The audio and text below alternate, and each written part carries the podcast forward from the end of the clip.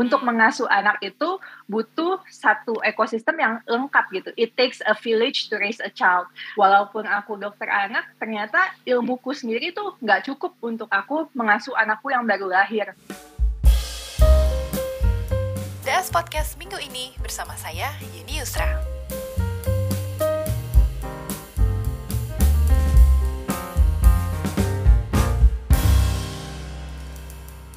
Hai Messi, apa kabar? Hai Mbak Yeni, kabar baik. Halo Daily Social dan teman-teman, makasih loh udah diundang. Thank Senang you banget juga diundang udah- Daily Social. Iya, thank you juga udah menyempatkan waktu untuk bisa mampir ke discussion. Tapi sebelum kita dive in ke conversation, Messi mungkin uh, bisa share tentang anak itu sebenarnya apa sih? Oke, untuk semua teman-teman, perkenalkan aku Mesti dari Tentang Anak. Dan Tentang Anak adalah sebuah ekosistem parenting di mana kita berharap misinya adalah menemani 80 juta anak di Indonesia untuk mendapatkan akses tidak hanya terhadap edukasi terbaik, tetapi juga produk terbaik yang dibutuhkan dalam masa pengasuhan anak gitu. Hmm, Jadi berharap orang tua tuh semakin confident ketika mereka mau punya anak, oh tenang aja semua udah diurusin tentang anak. Oke, kalau kita lihat kan backgroundnya Mesti dan co-founder Messi, which is your husband kan memang uh, cukup unik ya, ya, cukup diverse. Mesti dari uh, dokter anaknya langsung dan suami juga dari perusahaan teknologi ternama gitu.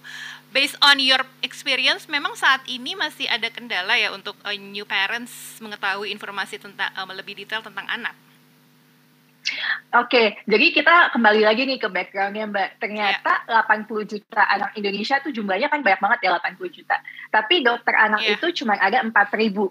Nah, tadinya tuh sebelumnya aku tuh kerja di Rumah Sakit Cipto Mangunkusumo, Rumah Sakit Nasional, Oke. di mana pasien-pasiennya tuh mostly dokter anak tuh udah capek, udah sibuk banget menyelamatkan hidup dan mati gitu ya. Uh, terus Hmm. pasiennya juga kasusnya juga berat-berat. Jadi dokter anak yang cuma 4 ribu itu mereka Hmm. harus menangani banyak banget anak. Ketika pandemi gitu kan, aku tuh uh, Hmm. lagi hamil 8 bulan. Jadi aku dicutiin dari rumah sakit dan akhirnya banyak lah waktu untuk aku bisa scroll social media, lihat parenting sekarang kayak apa. Ternyata kok banyak banget informasi yang tidak sesuai dengan evidence atau tidak sesuai jurnal ilmiah terpercaya gitu. Termasuk dari akun-akun yang followersnya banyak-banyak banget gitu. Oh. Tapi ya nggak bisa. Jadi aku berawal dari situ, aku pikir, oh ya mungkin dokter anak nggak ada yang juga mendedikasikan waktunya waktu itu Iya. untuk um, untuk um, beredukasi di sosial media. Padahal kan orang Ah. tuh sekarang sukanya bite size gitu. Dan aku mikir, ah aku kan dokter anak masih muda nih. Aku Ah. takut ah kalau aku yang ngasih info sendiri nanti aku di diserang atau dikomplain gitu. Hmm. Oh ya udah, yang seru ngomong uh, guru-guru aku aja, profesor-profesor aku gitu. Hmm. Uh, aku yakin mereka tuh sebenarnya pingin gitu berbagi Hmm. edukasi, tapi mereka tuh udah sibuk gitu praktek. Hmm. Kalau mau ke praktek mereka aja butuh tiga bulan untuk kita datang. Iya. Nah, akhirnya waktu itu aku undang lah profesor-profesor itu untuk membagikan ilmu mereka gitu. Dan ternyata antusiasmenya sangat besar Mhm. dan hingga bisa uh, tentang anak berkembang seperti sekarang gitu. Jadi awalnya tuh sangat Oke. spontanitas aja. Mm-mm. Mm-mm. Jadi sebenarnya tentang anak ini adalah uh, kolaborasi dari uh, praktisi anak sendiri ya atau dokter anak sendiri yang sudah berpengalaman nge-share uh, informasi atau juga ada tanya jawab real time mungkin di aplikasinya apa aja sih yang bisa diunggulkan di tentang anak ini Uh, udah ada aplikasinya kan ya Mesti ya? Ya, ada. Oke, jadi yang pertama diunggulkan, kenapa kita memakai kata ekosistem? Karena ini tidak hanya sebatas dokter anak. Untuk Hmm. mengasuh anak itu butuh satu ekosistem yang lengkap gitu. It takes a village to raise a child. Jadi tentang Ya. anak ini pertama tentunya berfokus pada keluarganya itu sendiri, bagaimana membangun keluarga yang baik gitu kan. Ada unsur dokter anaknya, ada psikolog anaknya, ada dari kebidangannya, kemudian ada Hmm. sampai financial planner anak gitu. Jadi kita pinginnya ini menjadi ekosistem yang holistik gitu. Karena kan kita tahu apa kesehatan berhubungan sama ekonomi gitu Ya. kan. Ekonomi berhubungan sama sosial dan yang lainnya gitu. Jadi kita berusaha menyediakan satu ekosistem yang memang sudah lengkap sekali. Dan em, seiring berjalannya waktu, mungkin kan dulu aku sebagai uh, tidak hanya sebagai dokter anak, tetapi pengalamanku melahirkan anak pertama. Ya. Di situ tuh aku melihat bahwa ah walaupun aku dokter anak, ternyata ilmuku sendiri tuh nggak cukup untuk aku mengasuh anakku yang baru lahir. Hmm. Kenapa ya tadi? Mungkin belajarnya penyakit-penyakit parah, bukannya hmm. belajar kayak gimana sih menyusui yang nyaman, ini mau hmm. dipompa apa enggak. Padahal itu yang membuat ibu-ibu tuh pada stres, pada depresi, ini mau ngasih menu MPASI apa gitu. Jadi dulu itu mungkin tiga tahun yang lalu sama sekali belum ada aplikasi yang benar-benar all in one gitu. Jadi semuanya scattered. Aku pun punya aplikasi sampai 4 sampai 5 aplikasi lah untuk kebutuhan satu parenting. Satu untuk aku MPASI, satu uh, untuk aku screening perkembangan, satu untuk aku um, MPASI perkembangan kontrol lihat tumbuh kembangnya si anak gitu satu hmm. untuk belanja gitu belanja kebutuhan anak gitu jadi kayak orang tua udah capek banget ditambah lagi harus banyak menyortir informasi, mencari-cari lagi untuk mengasuh anaknya. Dan itu menjadi beban yang cukup berat menurut aku sebagai orang tua. Kalau kita lihat sebenarnya aplikasi tentang anak ini masuknya ke lifestyle apa ke health tech sih? Apakah ke depannya akan dikembangkan? Uh, correct me if I'm wrong, Mesti. Apakah ternyata ada rencana untuk konsultasi telemedis atau booking ke rumah sakit khusus untuk dokter anak? Atau ternyata memang udah ada di aplikasi? Karena gue sih ngeliatnya kayaknya potensinya besar karena uh, kalau kita lihat kan di aplikasi uh, telemedis yang ada kan fokus ke dokter anaknya kayaknya ter nggak terlalu banyak ya apalagi kita di saat pandemi fokusnya kan ke covid ya kalau ke depannya ya. ada rencana nggak terus dari sisi aplikasi masuknya ke lifestyle apa ke health tech Oke, okay. jadi tidak menutup kemungkinan ya kita selalu terbuka terhadap opsi-opsi, tapi kita berusaha menjawab dari permasalahan yang paling banyak dimiliki orang tuanya dulu nih apa sih? Jadi ternyata basicnya aja tuh mereka belum punya gitu hmm. uh, pemahamannya gitu. Kemudian uh, kita ya akan masuk ke seluruh ranah parenting ekosistem tidak dipungkiri nanti masuknya ke fintech oh. misalnya untuk anak ya. Okay. Jadi semua wilayah tentang parenting uh ini akan kita explore sehingga yeah. yaitu pada akhirnya semua orang tua pokoknya urusan parenting mau sampai uh urusan sekolah anaknya, dana pendidikan anaknya, apa pun soal anaknya semua di tentang anak gitu. Karena yeah. memang kita ingin mendampingi. Jadi -huh. tentang anak ini mendampingi dari si anaknya itu bayi sampai -huh. anak anak itu kan definisinya sampai 18 tahun. Yeah. Jadi semua kebutuhannya udah ada di situ gitu. -huh. Menarik ya karena pandemi ini jadi secara langsung mengakselerasi adopsi digital ya. Jadi semuanya yang tadinya yeah. dilakukan secara konvensional atau secara offline semuanya ramai-ramai secara online termasuk tentang anak ini semuanya di pull uh, di satu uh, platform digital ya. Uh, kalau kita lihat sebenarnya apa sih yang membuat tentang anak ini berbeda dengan platform lainnya? Kalau karena kan uh, bukan cuma tentang anak ya saat ini yang menghadirkan uh, layanan yang sama gitu. Ada beberapa lagi yang juga sekarang mulai muncul dan gue sempat uh, ngobrol sama investor uh, industri yang menyasar parenting ini ke depannya memang seksi nih Mesti. Kalau misalnya Mesti bisa differentiate antara tentang anak dengan aplikasi yang lainnya atau platform lainnya, apa sih yang membedakan dan unggulan dari tentang anak ini sendiri apa? Ya. Jadi kita yang membedakan yang pertama adalah tadi kita ekosistem yang lengkap ya, nggak yeah. cuma satu uh, satu ah keahlian tertentu. Hmm. Yang kedua adalah kita selalu mengungkapkan bahwa ahlinya tentang anak.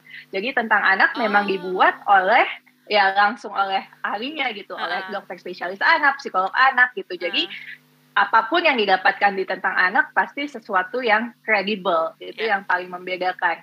Yang ketiga kita udah all in one. Jadi kayak tadi aku bilang uh, yang lain misalnya scattered gitu. Kita udah ada semua dari MPASI tumbuh kembang anak sampai produk-produk yang diunggulkan curated sampai tentang anak punya produk buku sendiri gitu dan lain-lain. Sampai sekarang baru kemarin luncuran video animasi anak gitu. Jadi benar-benar kita uh, berusaha end to end gitu untuk hmm. semua yang berhubungan dengan anak. Tapi memang kalau informasi anak sekarang udah banyak banget. Kalau yeah. kita lihat mungkin parenting itu mesti bermula dari passionate parents gitu. Hmm. Tapi kebetulan memang karena aku di sini adalah dokter anak juga dan passionate parents juga, jadi nggak semua case itu berdasarkan anakku. Dan juga uh, kayak teman-teman psikologku semua kita melihat berusaha lebih helikopter view bahwa oh ini toh masalah yang banyak dialami orang tua. Jadi yeah. tentang anak itu relevansinya cukup besar dan kita sangat localize ya Indonesia hmm. banget. Hmm.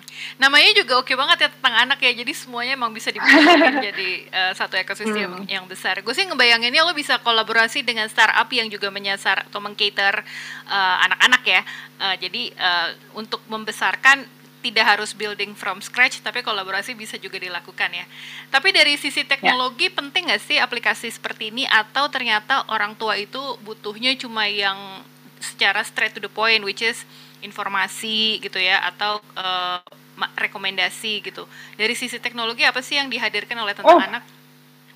Penting banget mbak. Okay. Jadi kayak kemarin ya dari tentang anak ini selalu rutin mengadakan uh, webinar dan oh. aplikasi gitu. Okay. Dan kita yang nggak sembarangan pembicara kita tuh profesor gitu, hmm. ketua Ikatan Dokter Anak Indonesia dan benar baru tiga hari yang lalu ternyata yang ikut di webinar tersebut adalah ibu dengan anak sakit lagi demam dia tinggal di Sampang tiga jam dari Madura oh. yang pokoknya nggak ada rumah sakit Susah itu ya? harus pakai puskesmas yeah. ya jadi impactnya itu tuh sangat kerasa banget wah yeah. gila kita berhasil menjangkau ya sampai orang di perifer uh -huh. untuk bertanya langsung ke Profesor Hingki di mana Profesor Hingki ini praktiknya di rumah sakit uh, Pondok Indah gitu ya enggak semua mungkin bisa akses gitu kan tapi dari tentang anak mau orang di Jakarta mau orang di Flores ya berhak gitu bisa akses ke profesor yang terbaik gitu dan ya, ini berhasil terjadi gitu di tentang yeah. anak dan memang kita sudah menjangkau dari Sumatera sampai Papua. Oke, okay. nggak gitu. nyangka ya ternyata impactnya segede itu ya Mesti ya? Iya, iya, dan itu bikin kita yang tadi ya kayak capek gitu uh -uh. ya langsung kayak wah terharu. Terus pernah satu kisah tiba-tiba kita lagi bikin um, edukasi session COVID-19, uh, tiba-tiba ada ibu dia nanya live bahwa aku udah ditolak lima rumah sakit. Dan kebetulan pembicaranya waktu itu ketua IGAI dan malam itu juga langsung didampingi sampai dia langsung dapat rumah sakit gitu. Jadi apa ya impactnya uh. itu sih yang aku selalu bilang ke teman uh, ke tim aku kayak hmm jangan kita terlalu menggebu-gebu, terlalu yeah. Iya. uh, serakah ingin mengejar growth gitu. Uh -uh. Tapi bagaimana kita memastikan kita memiliki produk yang bermanfaat gitu, uh -uh. impactnya kerasa. Yeah. Ya niscaya ketika orang butuh, orang merasa impactnya dan mereka aware adanya kita, pasti kita akan terus tumbuh gitu. Jadi yeah. bukan tumbuh itu yang dikejar, tapi bagaimana kita bisa memberi manfaatnya gitu. Yeah. Impact itu penting banget sih buat startup, apalagi sekarang juga udah mulai fokus investor impact yang bisa dihasilkan oleh startup. Tapi ngomongin impact nih, uh, baru dapat funding ya nih dari Insania Ventures. Uh, target yeah. dari tentang anak sendiri uh, after funding nih apa? Apakah ingin memperluas layanan dengan melakukan kegiatan marketing yang besar-besaran atau nambah dokter anak mungkin sekarang baru berapa 400 ya? Hmm. Atau untuk uh, apanya nih? Untuk dokter anaknya, untuk psikiaternya akan nambah lagi atau ngembangin teknologi. Hmm. Rencana setelah funding apa dari tentang anak?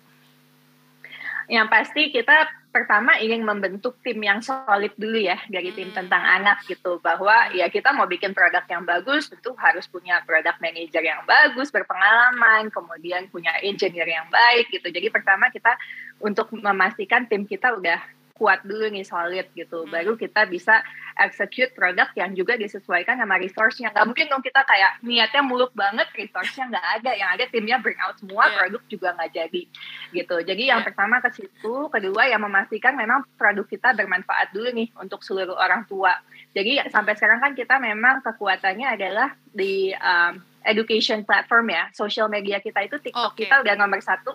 Jadi kita baru satu tahun mbak di social media tapi hmm. TikTok kita udah nomor satu untuk account parenting di oh. Indonesia. Uh, kemudian uh, untuk uh, Instagram kita growth dan engagementnya jika dibandingkan account parenting lain sudah tiga atau empat kali lebih besar untuk growth dan engagementnya gitu. Jadi uh, untuk itu kita udah berhasil. Tapi tentu kan tadi target kita menjangkau 80 juta. Ya hmm. bagaimana caranya kita bisa menjangkau itu dulu? Itu yang sedang kita uh, utamakan uh, okay. di um, satu tahun ke depan. Jadi komunitas itu penting ya untuk pertumbuhan uh, platform seperti tentang anak ya. Diawali dari komunitas, yeah. ke depannya bisa turun aja di banyak gitu. Tapi kalau kita ngomongin yeah. soal aplikasi parenting atau startup yang menyasar ke anak-anak uh, dan yang terkaitnya, Messi ngelihat ke depannya akan lebih banyak lagi nggak sih platform seperti Messi? Not necessarily mirip ya tapi mungkin mengcater dari sisi ini dari sisi itu. Karena gue sebagai reporter beberapa kali juga udah interview uh, startup founder yang fokusnya ke sini nih mulai dari makanan vitamin segala macam gitu ya. Emang ke depannya akan lebih banyak lagi nggak sih mesti ngeliat dan pandemi ini mendorong platform seperti ini untuk tumbuh nggak sih? Karena semuanya sekarang dilakukan secara online gitu kan? Hmm, iya sih. Uh, maksudnya uh, parenting ini uh, kami tidak merasa apa ya um, berkompetisi dengan okay. um, pihak lainnya gitu ya. Uh -uh. Karena memang permasalahan di parenting ini besar sekali dan yeah. memang ada 80 juta tadi aku bilang uh anak Indonesia itu ada 80 juta dan ada masalah banyak banget gitu. Uh Jadi aku yakin sih ke depannya banyak sekali memang yang akan melihat ini suatu opportunity ya okay. bahwa karena masih sebelumnya masih overlook dan kebetulan memang sekarang kan millennials nih yang katanya generasi teknologi baru di fasenya mulai jadi orang tua, yeah. mereka baru merasa oh banyak ya masalah parent parenting ini yang mungkin belum tersentuh teknologi, tapi nggak uh, apa ya nggak bisa diabaikan juga bahwa memang masih banyak juga masyarakat yang belum tersentuh oleh teknologi ini gitu. Kalau kita bicara commerce yeah. makanya sekarang banyak offline gitu kan, retail lagi bagaimana-mana uh -uh. gitu kan. Ya tinggal berpikir bagaimana kita benar bisa menyentuh sih ke seluruh anak di Indonesia okay. ini. Jadi nggak takut dengan kompetisi ya? Lebih banyak lebih bagus ya? Iya kan, aku dari kecil memang nggak suka kompetisi mbak. Jadi oh. kenapa aku merasa ya kita kan nggak bisa, we cannot do everything right. Yeah. I mean like everyone has their own strength and also uh -uh. has their own capabilities dan aku uh -huh. percaya sih apa yang tentang anak punya dengan kompetensi kita yang terbaik ya selama kita fokus uh, misinya adalah melakukan sesuatu dari apa yang kita bisa untuk orang lain ya ya tadi akan terus tumbuh gitu ya kayak ya apa yang udah kita alami setahun ini gitu dari awal kan bikinnya aja sebenarnya tentang anak itu cuma satu acara IG live di Instagram pribadi aku gitu tiba-tiba sekarang jadi platform startup yang memang kita berusaha menjawab masalah sih masalah yeah. di iya. masyarakat gitu mm -hmm. Iya. Oke Messi, terima kasih atas waktunya ya dan kita tunggu update selanjutnya dari tentang anak ya. Baru setahun ya, baru masih muda. Baru setahun. iya, betul sekali. Nah, Alhamdulillah kita udah mencapai uh, 600 ribu lebih users ya across okay. platform. Dan dalam dua bulan aplikasi kita itu sudah uh, di posisi tiga ya waktu itu di App Store. Dua bulan itu kita 50 ribu. Sekarang okay. kita udah lebih dari segitu. Gak nyangka banyak peminatnya ya. diawali dari akun Instagram akhirnya sekarang jadi sebuah platform yang udah dapat funding juga. Oke, kongres Messi atas uh, prestasinya sejauh ini meskipun baru dan kita tunggu lagi berita selanjutnya dari tentang anak ya. Selamat bekerja kembali Messi. Thank you Mbak Yani, okay, thank you Daily Social. Bye. DS Podcast minggu ini bersama saya Yeni Yusra.